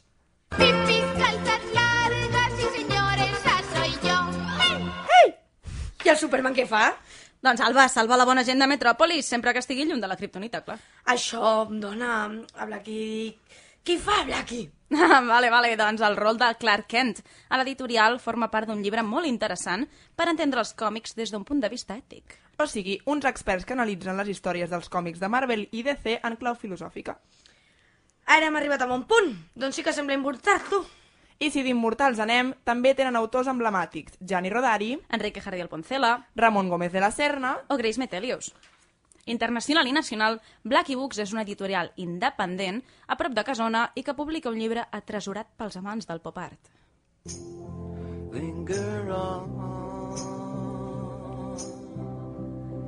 your pale blue eyes. M'il·lumino per la música? Sí, i Alba, Pale Blue Eyes de Velvet Underground.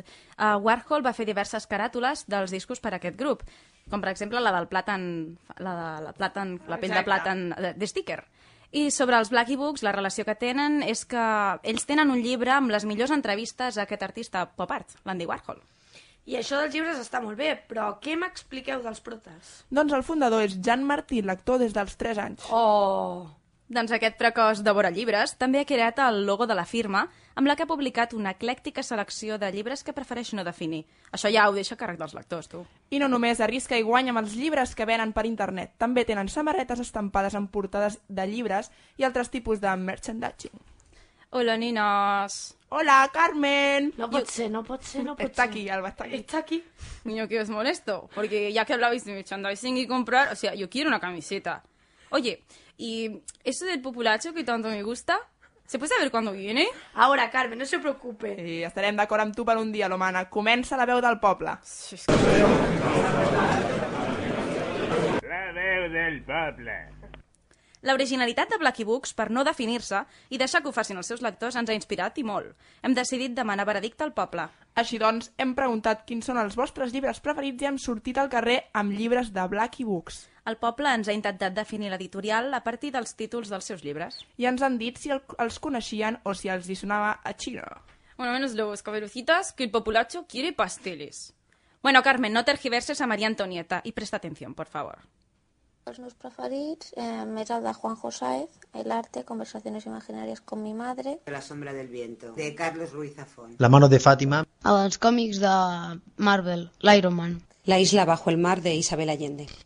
I d'aquesta llista, eh, el llibre de Crezco, me'l vaig comprar i el vaig començar a llegir, però no, no l'he acabat, perquè no em va acabar de convèncer. Sí, uno de La Pipi Calzas Largas y otro de Amor se escribe sin H. Em sonen el de la Pipi Calzas Largas, los de Enrique Jardiel Porcela, sobretot de l'amor s'escribe sin H.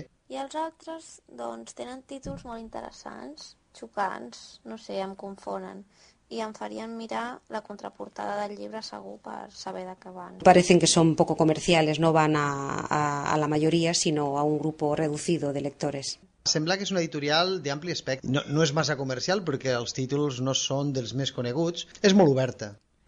Doncs ja hem sentit el poble i ara escoltarem a Jan Martí, entrevistat per Risto Mejide al programa de TV3 El bestiari il·lustrat. Ells parlaven del poc que els arriba a agradar al món literari comercial. Una verdadera mostra de que es tracta d'un home original i una, edit i una editorial especial. el mundillo aquest literari tampoc freqüentem massa. Què passa amb el mundillo? Vinga, arrenca'm una mica del mundillo literari, va, que jo tinc molta gana. No, és que són una, són una mica avorrides les festes. Jo també tinc... Primer punt, la gent del món literari no se sap divertir. Això constatem, eh? Ho constatem. Després, tothom parla tota l'estona de, del que fa i de, de llibres i de diners i de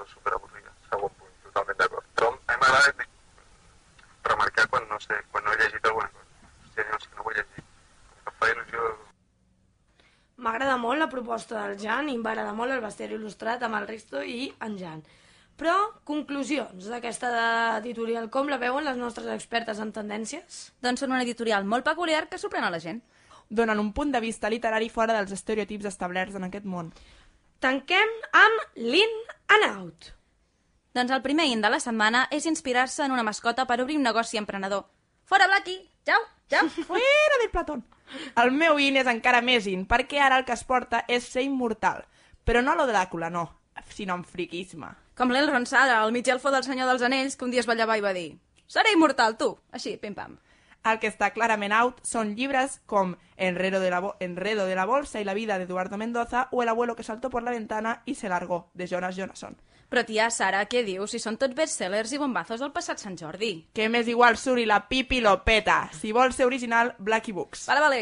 Doncs llavors seguim amb el segon out, l'egoisme que abunda massa en aquest món. A compartir a lo loco és el lema de Blacky Books, i la Sara i jo hem decidit que també serà el nostre. Així que, aprofitant que estem en època d'exàmens, ja esteu començant a compartir apunts.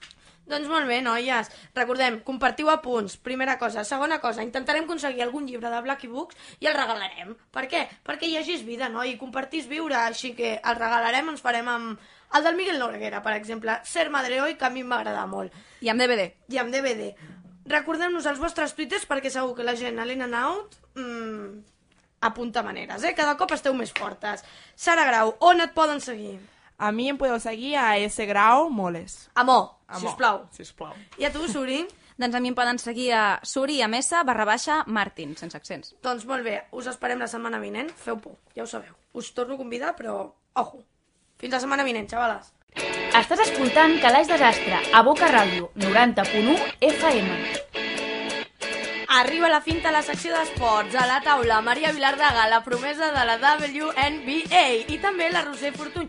Aquí, aquesta setmana ens han arribat més de 7 peticions per comptar amb ella en els seus clubs esportius. Ànims, noies! Arriba la finta!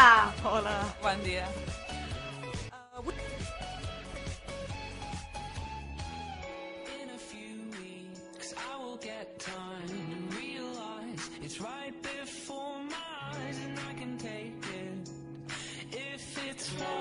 What I want to. Avui us portem de viatge a un nou destí i us descobrim una altra curiositat del món de l'esport. Però, Alba, si et sembla bé, començarem repassant els titulars informatius de la setmana. El mes de juny és mes d'Eurocopa i ja sabem quins són els escollits que formaran el combinat espanyol. Els jugadors del Barça que aniran a Polònia i Ucraïna amb la roja són Piqué, Xavi, Iniesta, Cesc, Pedro Busquets i Valdés. L'Espanyol no tindrà cap internacional. I també coneixem la data d'inici de la Lliga 2012-2013, el 19 d'agost. Les dates d'altres competicions espanyoles encara estan per confirmar, ja que depenen de la Federació Espanyola de Futbol. I ja sabem que necessiten el seu temps per prendre decisions.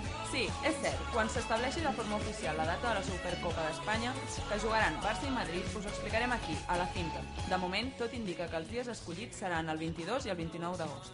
I per, per acabar amb el futbol, el Barça femení s'ha proclamat campió de Lliga. En canvi, l'Estartit perd la categoria i la temporada que ve jugarà a segona divisió. A l'altra cara de la moneda, el Llevant Les Planes puja a la primera divisió. Passem al bàsquet. L'equip femení Ros Casares ha anunciat la seva desaparició. El vigent campió d'Europa i de la Lliga seguirà amb el seu projecte de bàsquet formatiu, però abandonarà la màxima categoria. La directiva del Club Valencià ha informat que la decisió s'ha pres perquè entén que la tasca del club ha culminat. Tot i així, la crisi econòmica pot haver-hi jugat un paper important. I en altres esports? En ciclisme, Purito Rodríguez no ha pogut guanyar el Giro d'Itàlia per una diferència de 16 segons respecte al campió de la cursa, el canadec Ryder Hesjedal.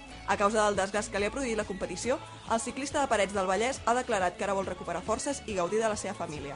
En natació ha finalitzat el campionat europeu. Les catalanes Ona Carbonell i Andrea Fuentes van guanyar la medalla de plata en duet de natació sincronitzada i or en rutina combinada. Mireia Belmonte va aconseguir la plata en els 400 metres lliures. I per acabar, el Liceo de la Corunya ha guanyat per segon cop consecutiu la Lliga Europea d'Hoquei. L'equip gallec es va proclamar campió de la Copa d'Europa davant del Barça, amb un marcador final de 2 a 4. Fins aquí el repàs informatiu.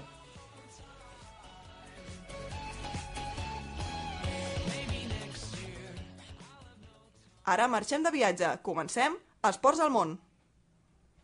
bodde en Nordingaland som fyllde de 50 år och gästerna kom och ett A on ens portes avui, Roser? Avui farem un viatge curt comparat amb el de la setmana passada. Anem a Suècia. A Suècia, per algun motiu en especial? Sí, però tranquils perquè no és per Eurovisió. Aquest tema el dominen més la Maria i la Mar al Posa't a to. Anem a Suècia perquè amb la calor que fa aquests dies estaria bé viatjar a algun lloc més fresquet. Primer situem-nos una mica. Suècia està relativament a prop, però què en sabem? Suècia és un dels anomenats països nòrdics i està situat a la península escandinava. Estocolm és la seva capital i ara alhora la ciutat més poblada. Jo no hi he estat mai, però diuen que és una ciutat preciosa. Fins i tot l'han arribat a anomenar la Venècia del Nord. Suècia limita amb Noruega i Finlàndia i està banyada pel mar Bàltic i el mar del Nord. Malgrat el que puguem pensar, Suècia té un clima temperat, amb quatre estacions diferenciades. Fa més fred que aquí, no us ho enganyaré, però les mínimes diàries a l'hivern són pròximes als 5 graus sota zero i les màximes a l'estiu són d'uns 22 graus positius. I què ens pots explicar dels suecs? La població sueca no arriba als 10 milions de persones. La llengua més parlada és el suec, però la majoria també saben parlar anglès amb fluidesa. També cal destacar que tenen un dels índexs d'alfabetització més alts del món, ronda el 99%. I per últim, en temes culturals, dir-vos que Suècia és on s'entreen els Premis Nobel, Cava i Roxette són dos dels grups musicals del país més coneguts internacionalment i que l'escriptor de la trilogia Millennium, Stig Larsson, era suec.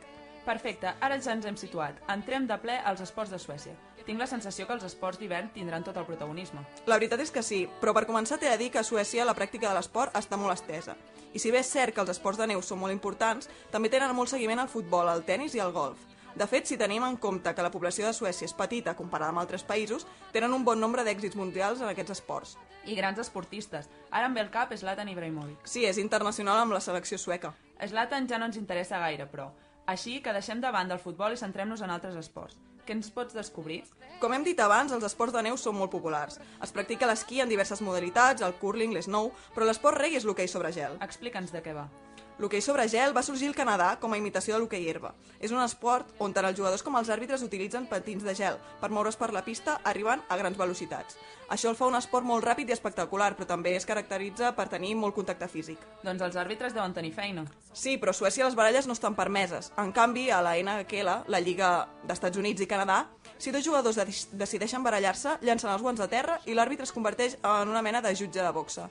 Un cop acabada la baralla, els jugadors que hi han participat són exclosos 5 minuts. Per sort, a Suècia són més civili- civilitzats que aquí. Sí, són gent més pacífica. Quins altres esports es practiquen a Suècia? També és bastant popular el bandy, una mena de barreja entre el futbol i l'hoquei sobre gel.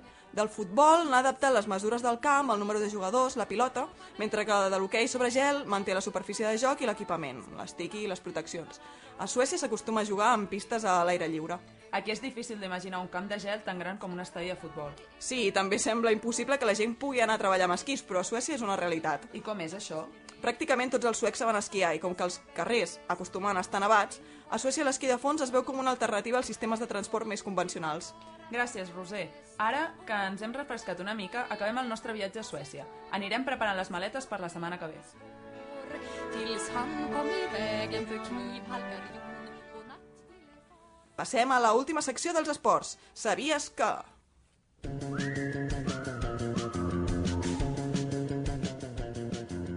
Sabies que l'Eurocopa d'aquest any ja té predictor oficial?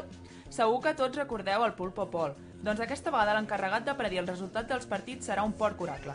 L'Ajuntament de Kiev, la capital, la capital d'Ucraïna, ha informat que el porc oracle coneix tots els misteris del futbol. Des d'Ucraïna, que organitza el torneig juntament amb Polònia, asseguren que l'animal pronosticarà els resultats dels partits cada dia a les 4 de la tarda. Aquesta moda dels animals adivins va sorgir l'estiu del 2010, en motiu del Mundial de Sud-àfrica.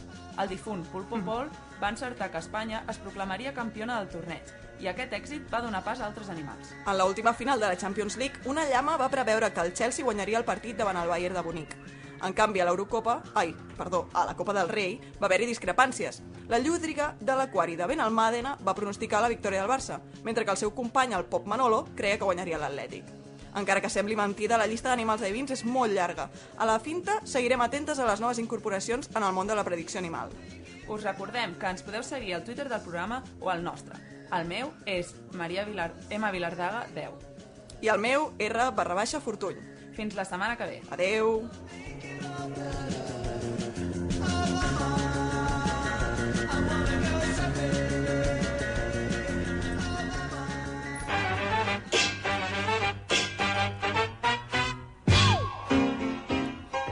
torna la Tània Gabrieli amb el set del setè art. Avui, en cartellera, aquesta tarda de dissabte. Bona tarda, Tània. ¿Qué podemos ver? Buenas tardes, oyentes de Calas Desastre. Y esta tarde en cartelera tenemos El arte de amar. Es una película de Emmanuel Mouret, es una comedia romántica de producción francesa y bueno, cuenta la historia de cinco historias en la búsqueda del amor y de ser amado. La verdad que bueno, que es un guion que bueno, no está muy exprimido porque tiene limitaciones al ser diferentes historias, pero es una película fresca y Del 1 al 10, para una tarde de sábado, un 5. un 5. Bueno, Men in Black 3, hablábamos la semana pasada y ya está en cartelera. Will Smith y mm, Tommy, Eh, Tommy Lee. ¿Qué, ¿Qué tal? ¿Qué tal?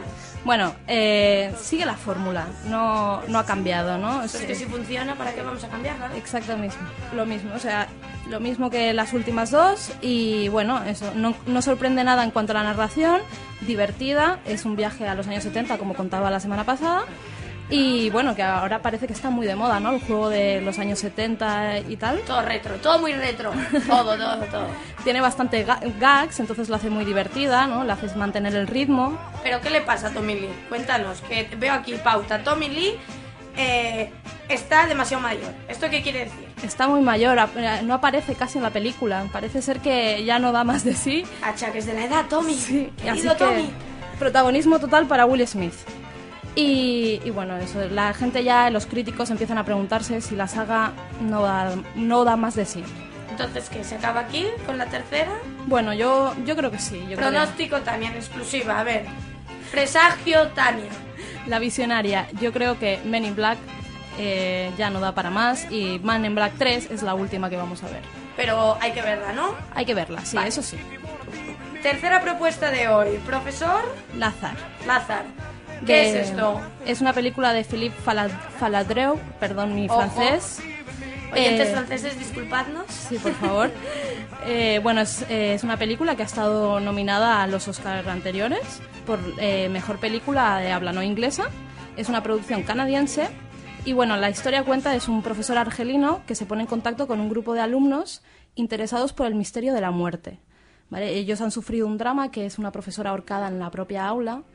Y, y, bueno, trata un poco sobre, sobre el sistema educativo ¿no? y nos hace refle- eh, reflexionar un poco cómo, cómo va esto en la sociedad contemporánea. O sea, película ética, ¿no? Sí, y... Quizá no tanto para sábado por la tarde o noche como para domingo por la mañana, que también es buen momento para pararse a pensar, ¿no? Sí, y un poquito. observar un poco. Igualmente es una película que bueno que tiene un humor muy fino y sensible y aún así hablando de la muerte y el actor lo hace súper bien. La verdad que quiero resaltar el protagonista muy bueno. Muy bien, entonces, ¿qué veremos a partir de el fin de semana que viene en las carteleras? Porque tiene buena pinta, ¿eh? Bueno, tiene buena pinta. Sí, sí. Tenemos Blancanieves y la leyenda del cazador. ¿Quién la dirige esta vez? Super Bueno, esta vez. A ver, hemos visto tantas Blancanieves, me refería. Super Sanders. Eh, superproducción de Hollywood. ¿Hay dinero ahí puesto? Hay, hay mucho dinero. Tiene pinta. Y bueno, es la versión es la versión oscura del mítico de Blancanieves. Estuvieron la semana pasada presentándola en el hormiguero. Ah. Además, Charlize eh, Theron ha dicho en la televisión americana que no entendió nada del programa de Pablo Motos, ¿eh? Bueno, suele pasar. Se fue súper asustada. No, no, increíble. Ahora, a ver cómo nos ven allí. Bueno, eh, ¿Quién tenemos? Tenemos un, un reparto de actores, bueno, de la talla de Kristen Stewart, de Crepúsculo. Muy pesada. Eh, Esta chica está en todos los sitios. Todos los sitios.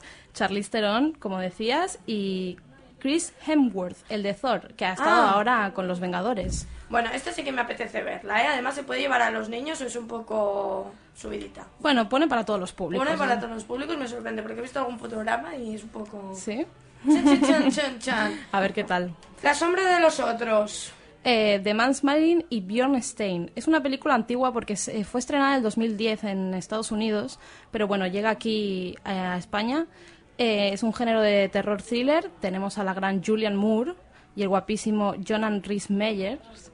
Tú, los adjetivos es todo súper subjetivo, ¿eh? El adjetivo subjetivo, porque vaya. Es guapísimo, es guapísimo. Seguro que hay sintonía entre los oyentes y las oyentes. ¿De Eh, qué va la sombra de los otros? Bueno, eh, Moore hace de una psiquiatra forense eh, que, bueno, que intenta eh, demostrar que la personalidad múltiple no existe y intenta resolver un caso cuando eh, resolviendo este caso se da cuenta que le afecta bastante a ella. Así que, bueno, para los amantes del thriller, terror, Así, recomendada. Producción española, Miel de Naranjas. ¿De Y, quién? eh, y Manuel Uribe. Hombre, de casa. Sí, sí. Eh, está ambientada en, en Andalucía de los años 50. Volvemos hacia atrás, volvemos la vista atrás. Exacto. Y bueno, como muy, muy de la talla de Uribe, ¿no? Son unos jóvenes enamorados que, que, bueno, que el chico se queda por ella, pero presta servicio a- en la mili, en un juzgado, y como ven cosas que no le gustan, decide cambiarlo, pero claro, en esa época se involucran acciones bastante peligrosas para su vida e incluso para sus compañeros. La trama tiene buena pinta. Yo estoy un poco cansada de- del tema 50 España, pero Pero pones aquí que el Festival de Málaga le ha dado la mejor dirección y el guion novel. Exacto. O sea que a los críticos les ha gustado. Sí, sí. Y por último, próximo estreno, Por fin solos. de Lawrence Kasdan. Eh, bueno, es una película, yo creo que la recomiendo para señoras mayores. Oiga. con todo mi Yo iré, lo- yo iré a verla también. Con Diane Keaton y Kevin Klein. Eh, es una drama, comedia, romance. Que, que todo, todo se desarrolla, es muy loco, porque se desarrolla a partir de la pérdida de un perro en una fiesta y son todos los cincuentones buscando el perro. Y bueno, y es todo como, pues... Tú te eh, ríes, pero esta trama no está tan alejada de lo que puede pasar un domingo por la tarde en casa. Bueno, no, para domingo por la tarde está muy bien, yo la recomiendo. Eh, destacarla, bueno, Diane Keaton, ¿qué voy a decir de Diane Keaton, no? Interpretación espectacular y, bueno, eso, como decíamos, simpática dramedia. Dramedia, cosa que se ha inventado aquí Tania en Calas de Sastra. No podemos acabar la sección sin hablar del Festival de Cannes, De esta semana sí, que nos ha Eh, traído la 65 edición. sexto Bueno, la vez 65. 65 que se hace Cannes en Cannes. En Cannes. Con una imagen de Marilyn Monroe. Es verdad, es cierto. Estarán Porque- contentas todas las pin-ups y demás. Exacto. Porque se conmemora el 50 aniversario de su muerte. Y qué cosas más raras de celebrar y de recordar. Bueno, Mm, apunte que hago aquí. a ver, Marilyn. Monroe siempre trae público No, y no, siempre... adelante. Eh, bueno, ¿A quién teníamos por allí? Tenemos directores de la talla como Cronenberg, Wes Anderson, Kiarostami, Ken Loach, Lee Krax, entre muchos otros. Y bueno, así por encima porque Premios. hay premios. ¿Qué Hay, es lo que nos gusta? hay muchísimos premios, así que os voy a contar así los más importantes. Mejor película Amour de, Gen- de Haneke, que bueno, que ya se veía venir desde, desde la presentación de la película, que fue el director que ganó en el 2009 también la Palma de Oro por la cinta blanca. También es el director de Funny Games, ¿no? Exacto. Este gusta. Gusta, gusta, Gusta muchísimo. mucho. Es muy bueno, ¿eh? Otros premios, eh, mejor director eh, Carlos Reigadas de México por Post Tenebras Lux. Eh, tenemos mejor guion por Beyond the Hills y eh, la mejor película en Uncertain Regard, perdón ¿Qué nos otra vez. contarás qué es? Después de, se llama la película Después de Lucía, de Michael Franco y también producción francesa. Eh, Uncertain Regard, Alba, es una, mm, es una sección de entre muchas otras que hay en, en Cannes que apuesta por, por películas originales y bajo presupuesto. Eh, bueno, ahora ya no es tan así, no son tan de bajo presupuesto y, y bueno, está muy bien. Y este año hemos tenido unas 20 películas co- con 26 eh, directores y de 17 países diferentes. De estas películas, ¿cuánto calculas que más o menos van a llegar a las pantallas de Eh, nuestro país? Pocas. Pocas porque yo no sé qué pasa. Eh, España, en esto, la verdad que un poco indignación propia. Pero, por ejemplo, de películas nominadas a la mejor palma de oro, llegan en este junio solo Moonrise Kingdom. Y en julio Elefante Blanco y todavía no se sabe muy bien que, cuándo van a llegar. Moonrise Kingdom, 15 de junio, Wes Anderson. Eh, bueno, mi director, Director preferido y, y nada, eso, que ha recibido mm, fantásticas críticas y esperar el 15 de junio. Yo voy a ir seguro. Y Elefante Blanco de Julio Pablo Trapero, eh, perdón, de Pablo Trapero, que se estrena en julio, eh, producción argentina, que hay que destacar que una película argentina está en Cannes. Y llegue a España también. Exacto. Y para resumir, Cannes, eh, yo lo felicito porque realmente no ha apostado por las producciones estadounidenses, que está bien ya, ¿no? Que ya tienen los Oscars y, bueno, mucha presencia francesa. Nos quedamos con Moonrise Kingdom y Elefante Blanco, que las iremos a ver en cuanto lleguen a España. Propuesta de, de Tania, El arte de amar, Men in Black 3, Profesor Lázar, para este fin de semana. Hablaremos la semana que viene de más cosas, más sorpresas, porque me han comentado que le vas a dar un giro a la sección y me va a gustar mucho, seguro. Te veo la semana que viene en tu sección de cine. viene. I després de cinema, què millor que parlar de teatre? La Natàlia Rubio torna amb la seva secció. Endavant, el molta merda.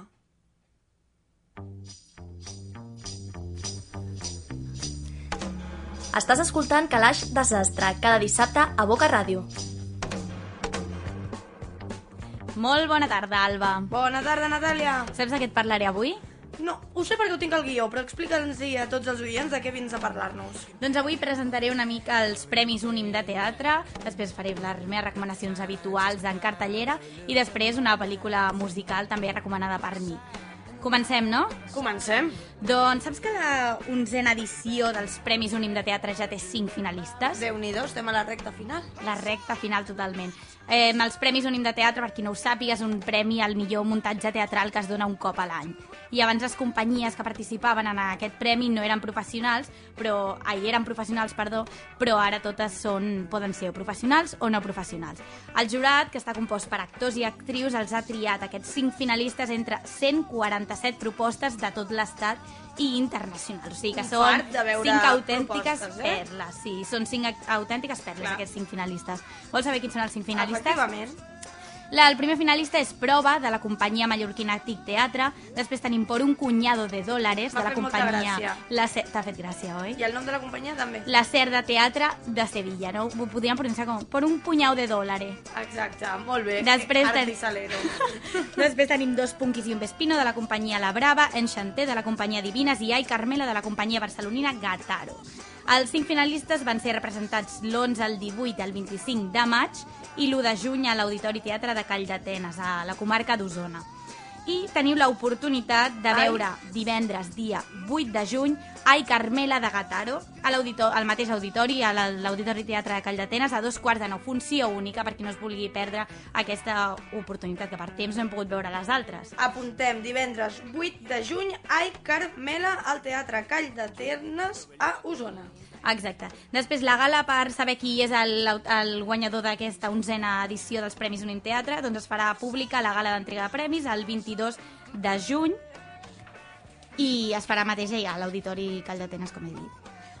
I preu d'Ai Carmela, perquè clar, jo la vull anar a veure, ja que és el que podem anar a veure, el que ens queda, o- on podem aconseguir entrades i a quin preu. Doncs ja saps que sempre et porto teatre de qualitat a low cost i flipeu amb el preu, perquè si voleu anar a veure Ai Carmela, que per temps és l'única que podem anar a veure, com he dit, les entrades estan a 10 euros i les podeu adquirir a www.unimentrades.cat o a la taquilla de l'auditori una hora abans de, de la funció. Ens expliques una miqueta de què va Ai us Carmela? Carmela i Paulino, que són els protagonistes, són dos artistes que recorren els pobles de l'Espanya republicana, no?, representant les seves obres. I una nit creuen la frontera per error i són capturats per les tropes nacionals. Llavors els militars feixistes descobriran la seva professió, que em dic que són artistes, i els encomanaran una missió humi humiliant i vil. Per saber quina és aquesta missió, el 8 de juny a dos quarts de nou al Teatre Call d'Atenes, com he dit, única funció abans de saber qui és l'autèntic guanyador d'aquests premis de, de teatre. Podem dir que s'endú el guanyador d'aquests premis? Se- S'endú 6.000 euros, Oh. vull dir, no és poca cosa, no és poca cosa, i una gira. I Déu-n'hi-do. després també hi haurà una menció especial al millor actor i millor actriu. Algun altre espectacle que em recomanis i que s'estigui representant en aquests moments? Ah, exacte, doncs sí, són les autores d'aquesta cançó que està sonant ara mateix. És la meva recomanació de la setmana i està en cartellera a Barcelona i a dir que també és una de les cinc finalistes als Premis Unim Teatre. Ho tenim Ah, tot a casa, eh? Bueno, A casa, sí, sí, sí, sí. A Osona, però aquest està més a prop, aquí a Barcelona. Doncs Enchanté, de la companyia Divines, està, represent- està en cartellera ara mateix a Barcelona fins al 24 de juny al Club Capitol, al Teatre Club Capitol. Eh, vols saber una mica de què va? Home, Doncs és, ens situem a París, al segle XX, la Segona Guerra Mundial, eh, París està a punt de ser invadida per les tropes alemanyes, i les veus de Divines, que és la companyia, les tres noies que, que la formen, ens expliquen amb veus i música en directe la història del Cafè Enchanté, que és un punt de trobada d'artistes, bohemis, intel·lectuals i membres de la resistència francesa de l'època. Molt maco, no? Maquíssim. Em I ve de mira, gust. t'escoltes quines veus més maques tenen? Sí, sí, sí, no. Ve de gust, eh? Ve de gust. Però no podem marxar sense que ens parlis d'una pel·lícula musical de les que t'agraden, no? Exacte, doncs la meva recomanació aquesta setmana és el musical Rent, que en català significa lloguer. Musical dels anys 90, que està sonant la música de la banda sonora, compost per Jonathan Larson i basat en l'òpera La Bohème, de Puccini. Es va representar a Nova York des de 1996 al setembre fins al setembre perdó, de 2008. Hi ha un DVD d'aquesta última funció del 2008 que va ser representada al Teatre Broadway o que podem comprar. I què et quedaries, amb la pel·lícula o amb el musical? A veure, amb el meu gust personal jo em quedaria més amb la, amb la última funció, amb el DVD de l'última funció de Broadway, aquesta que he dit que és del, del 2008. Perquè la pel·lícula, que està basada en el musical, es va estar dirigida per Chris Columbus l'any 2005, um, no es veu no, tot allò de el teatre en vivo i en directo. No? En el teatre en vivo i en directo, que està recollit tota l'última funció de Broadway del 2008, es veu com canten tota l'estona, el ritme brutal que porten a sobre l'escenari, la suor dels personatges, que pot semblar una mica guarro, no? així per qui no sàpiga dir, oh, és maco veure la suor, però per als amants del teatre això agrada molt perquè es, es veu que ho estan vivint no, allò transmeteixen. Exacte, transmeten, transmeten, sí. I vols saber una curiositat de. Ren? Ho vull saber. Doncs Larson, el director del musical, el compositor de Ren, va treballar com a cambrer fins que va aconseguir una oportunitat en un teatre de l'Off-Broadway per representar la seva obra, que era Ren, que encara no s'havia representat en cap lloc. Tot, I llavors, quan va aconseguir per fi pujar l'obra dalt d'un escenari, va morir el dia abans de l'estrena. Déu-n'hi-do, eh? Durant una prova de vestuari i no va saber mai més el gran èxit que tindria després. Cal dir que és el setè musical que ha estat més temps en cartell allà a Nova York. O sigui que té tela. Després, eh, l'argument, perquè si no em direu, no? bueno, dis molta història, però l'argument no sabem de què va. Doncs són joves bohemis que intenten sobreviure a la ciutat de Nova York, eh, pèssimes condicions de vides, no poden pagar el lloguer, hi ha alguns que, estan, que els hi han diagnosticat sida i hi ha unes històries d'amor apassionants. Molt dels anys de Nova York, no, de Nova York on Sí. estava basada on estava basada Exacte. Vaja. Eh, és un dels musicals més innovadors perquè és un dels primers musicals en presentar personatges de forma molt clara i, i natural com els malalts de sida, homosexuals, bisexuals. Déu-n'hi-do, té teca. Té teca, té teca. Ens no, farem no. amb el Jo dic que és, DVD és, un, és un musical dur, però, però eh, to, bueno, toca. I apropava però és la realitat, no?, del que estava passant en Exacte, sí, sí, sí, sí. Però Bastant reals. multipremiat, no? Multipremiat perquè va aconseguir quatre premis Tony de 10 nominacions i un premi Pulitzer. Eh, recomanar el disc original del musical, que és dir també que és un dels més venuts als Estats Units. Molt recomanable la banda sonora que ha estat sonant ara en aquesta Això última part. agrada, eh, la gent de teatre, Ens agrada, la eh? banda sonora Ens agrada, musical. eh? sí. És Igual, maco. igual que, que els pamfletos, no?, que donen ah, al teatre. Goita, els eh, la programes. Natàlia. Compte. Goita, goita. Doncs recordem, estem a temps de veure dos espectacles dels cinc finalistes als Premis Unim. El primer, el 8 de juny. Quin espectacle? Ai, Carmela. 8 de juny, dos quarts de... De nou, de nou al Teatre Call d'Atenes d'Osona, la comarca d'Osona. I Enchanté, de la companyia Divina, els tres meravelloses veus, no? Sí. El, fins al dia 24 de juny a la Capitol. Sí, Teatre bé. Club Capitol, exacte. Animem a l'audiència de que es faci, no?, amb el DVD. Amb el DVD, amb la pel·lícula, Amb amb, la banda sonora, amb el que tot. vulguin, però que la vegin, que és una bona obra. I envieu-li eh, tuits a la Natàlia. Ah, sí, no? sí, encantadíssima. A on? A Natàlia Rubio07, a Twitter, oi? Exacte, sí. També ens podeu escriure des de eh, el Facebook del programa Calaix Desastre. O des del Twitter, des del Calaix Twitter. Boca Ràdio. Exacte. La setmana que ve, de què parlarem, Natàlia? La setmana que ve us presentarem Primícia i en estrena El naixement del Core Memory. Us explicaré ja què significa tot això, que potser ara no ho sabeu al dir-vos Core Memory, però us ho presentaré i avui, ara mateix me'n vaig a una entrevista. Demà ens veiem tots a Boscos Endins, al Teatre Principal de Vilanova, demà dia diumenge 3 de juny. Jo espero veure's allà, intercanviar opinions i... La Natàlia estarà per allà, si la veieu la saludeu, a veure si li traieu informació. Molta merda per tota la setmana. Molta merda a tots.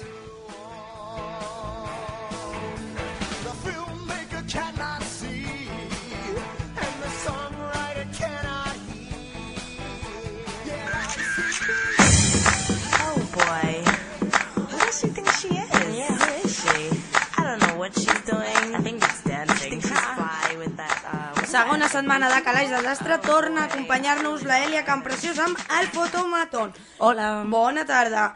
La Elia arriba amb la fotografia de la setmana.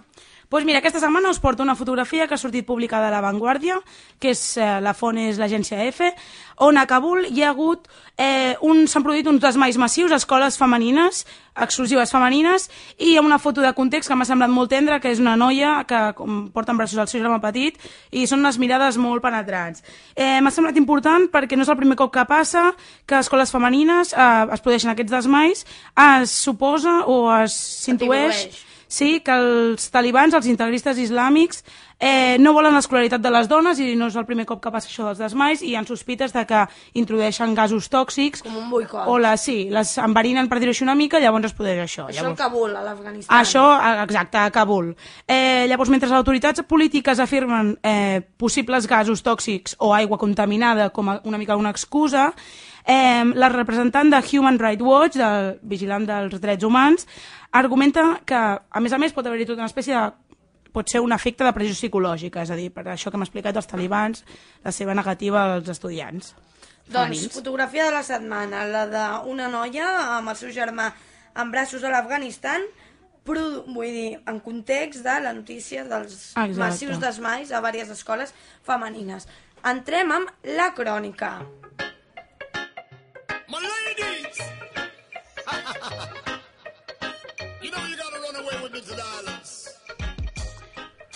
El títol de l'exposició d'aquesta setmana eh, és Pedro Madueño, Retratos periodísticos 1977-2012. Um, aquesta exposició consisteix en 50 retrats de personatges coneguts.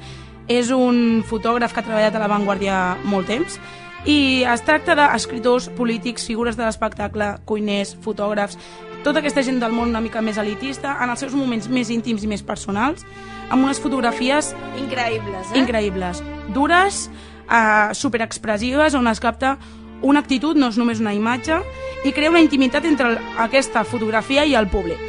El, eh, aquestes són o en blanc i negre o en colors naturals, però realment agafa aquests petits, petits detalls dels rostres durs i impacta molt. Eh? Són els moments íntims d'inspiració de... Com es presten els personatges davant la càmera de, de Pedro Madueño. És eh? com si ell no hi fos. Impressiona moltíssim. Moltíssim. On la podem veure? Pedro Madueño, Retratos Periodísticos, 1977-2012, on està? La podem veure a Caixa Fòrum, que està a l'Avinguda Francesc Macià número 68, que es pot arribar amb el metro fins, fins a plaça Espanya. També en altres busos, però és més complicat indicar, recomanem que visiteu la web. Uh, els horaris són tots els dies de 10 a 8, l'únic que dimarts i dijous eh, tanquen a les 10 del vespre i dissabte i diumenge a les 9. Hi ha aquesta petita variació aquests dies. I és gratuïta. És gratuït, això és molt important. Val moltíssim val la molt pena. És veritat. És fins al 24 de juny, això és important dir-ho, no sabem si es prorrogarà perquè ja fa temps que està d'això i no ha tingut gaire ressò, m'estranya molt, perquè aquest fotògraf a més és conegut. Però bueno, esperem que... Si encara no us animeu prou, recomanem que visiteu la web del fotògraf, Exacte. on també hi ha un muntatge increïble, Increïble. del que podreu veure al, al CaixaFòrum. Recorda'ns la web, si us plau, Elia. Són www.pedromadueno, perquè la enya a la pàgina web no es permet, pedromadueno.com. És una web impressionant en la que està realitzada en format vídeo, on van passant a poc a poc les fotografies amb aquesta música que hem pogut sentir de fons a la secció i, i impressiona moltíssim, la pell de gallina, la veritat. I per últim, el fototòpic d'aquesta setmana, després d'una setmana de vagues, protestes De i rebombori mm, amb, amb l'equip de quatreros d'en Felip Puig, quina és la imatge de, de la setmana, o sigui, el fototòpic d'aquesta setmana, Elia? A veure, aquesta foto ha estat compartida a més xarxes socials que no pas al Facebook, però al Facebook ha arribat, com és normal, i s'ha compartit unes 300 vegades. És una fotografia que consisteix en... Bueno, és un acudit, més que res, com una icona, eh, que es mofa de l'exigència policial a les manifestacions. Eh, bàsicament, hi ha una frase contextual, una bafarada, que De, diu... diem qui, qui hi ha a la, a la imatge, sí. apareix un policia, no? Sí, un mosso, un, un antiavalot, suposo. Un, antone, un antiavalot, i... I la caputxeta vermella, vermella. menudeta, amb una cara de perrito degollado, així una miqueta molt mona. I què li diu el policia? Va, tu llegeix. Sí, Mm. el context, espera, primer tot diem el context. Diu, multas de hasta 300.000 euros por la utilización de capuchas en actos vandálicos. És el titular, no?, Sí. de, de la imatge. És com I per què diu el comprendre. policia? Acompáñame a comisaría, señorita. I li diu la caputxeta, però si jo iba a casa de mi abuela. Calla, però flauta. Exacte, Vale. molt bona, molt bona caricatura Aquí tenim un, de, de la realitat. una mica de riure de, tant- dels follons varis aquests. Exacte. Doncs la Mar, la nostra community, pujarà totes les imatges, Tot us facilitarà l'accés a la web d'en Pedro Madueño i més imatges i millors la setmana. La setmana que ve.